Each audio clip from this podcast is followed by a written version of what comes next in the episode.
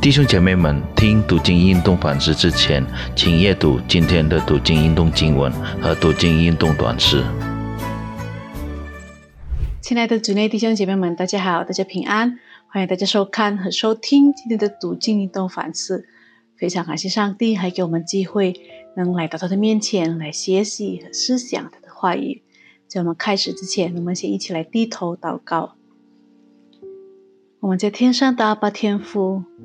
我们以谦卑的心来到你的面前，感谢你所赐给我们的一切恩典。我们感谢你给我们机会来到你的面前来思想和学习你的话语，因为我们每时每刻都需要你。我们需要来自你的智慧和带领。我们把现在的时间交托在你的手里。我们要像玛利亚一样，好好的。坐在你的脚底下，聆听你的声音。我们祷告，奉主耶稣基督的名，阿门。主内弟兄姐妹们，今天我们还继续从民数记学习。今天我们已经到了民数记第二十七章。今天的经文，我们是要从摩西学习。我们要学习摩西的领导品质。我来为大家念几节今天的经文。但是我非常鼓励大家能把整章今天的经文都把它读完。敏书记第二十七章十五节，摩西对耶和华说：“愿耶和华万人之灵的上帝立一个人治理会众，可以在他们面前出入，也可以引导他们，免得耶和华的会众如同没有牧人的羊群一样。”耶和华对摩西说。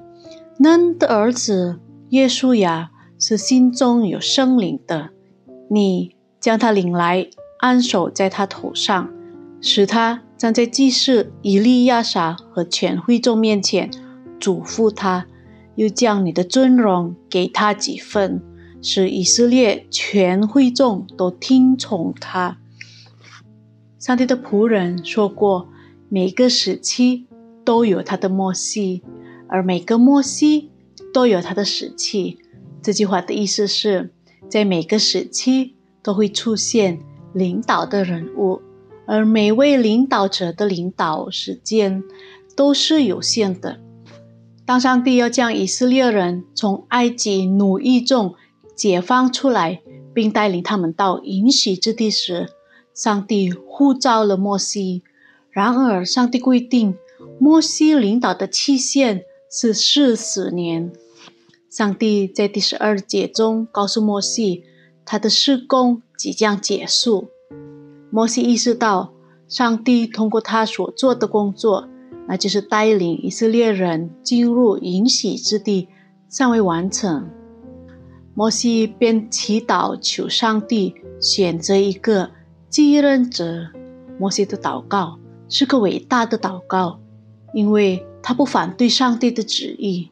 摩西意识到他在上帝面前是仆人地位，尽管他的眼睛还没有昏花，他的精神也没有衰败，他其实仍然还能领导。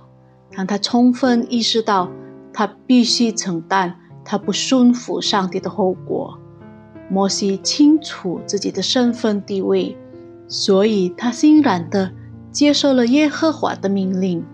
如果他不安分守己，不愿意接受上帝的旨意，说不定他会为了保住自己的地位而积聚力量，抵抗、背逆上帝。耶和华听了摩西的请求，拣选了嫩的儿子耶稣亚作为他的继任者。请注意，上帝在耶稣亚身上。提到的唯一品质是心中有生灵的。由此可见，在上帝面前，有生灵是领袖最重要的资格。只有充满圣灵的人，具有谦卑、好学、勇敢，只对上帝带领感兴趣的特征，才能带领上帝的工作。如果我们要选一个领袖来做上帝的工作，主要的要求不应该基于能力，经验、地位，更不应该基于财富，而是基于他是否充满圣灵。就像选择耶稣亚的理由一样，耶稣亚被选后，摩西分配给耶稣亚多项任务，以缓和他与耶稣亚的领导权交接。摩西坚定地告诉以色列人，耶稣亚拥有领导人民的权柄和能力。领导者必须准备和训练上帝所练选取代他的人。您的教会。是否效仿了摩西与耶稣亚的领导交接模式？我们一起来低头祷告。主啊，我们感谢你，通过今天的经文，我们能学习摩西的领导榜样和品质。主啊，我们也想要跟摩西一样，当你相信我们当领导的时候，求你的圣灵充满我们的心，带领我们能成为。合你心意的领导人，我们也为我们的国家的领导者祷告。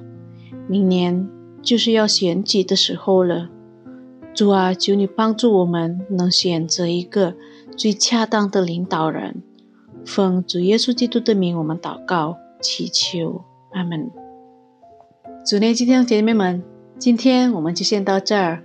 希望通过今天的经文，能带领我们在我们的生活中越来越认识上帝的旨意和上帝的思想，也能帮助我们爱主更深。我们下次见，上帝祝福你们。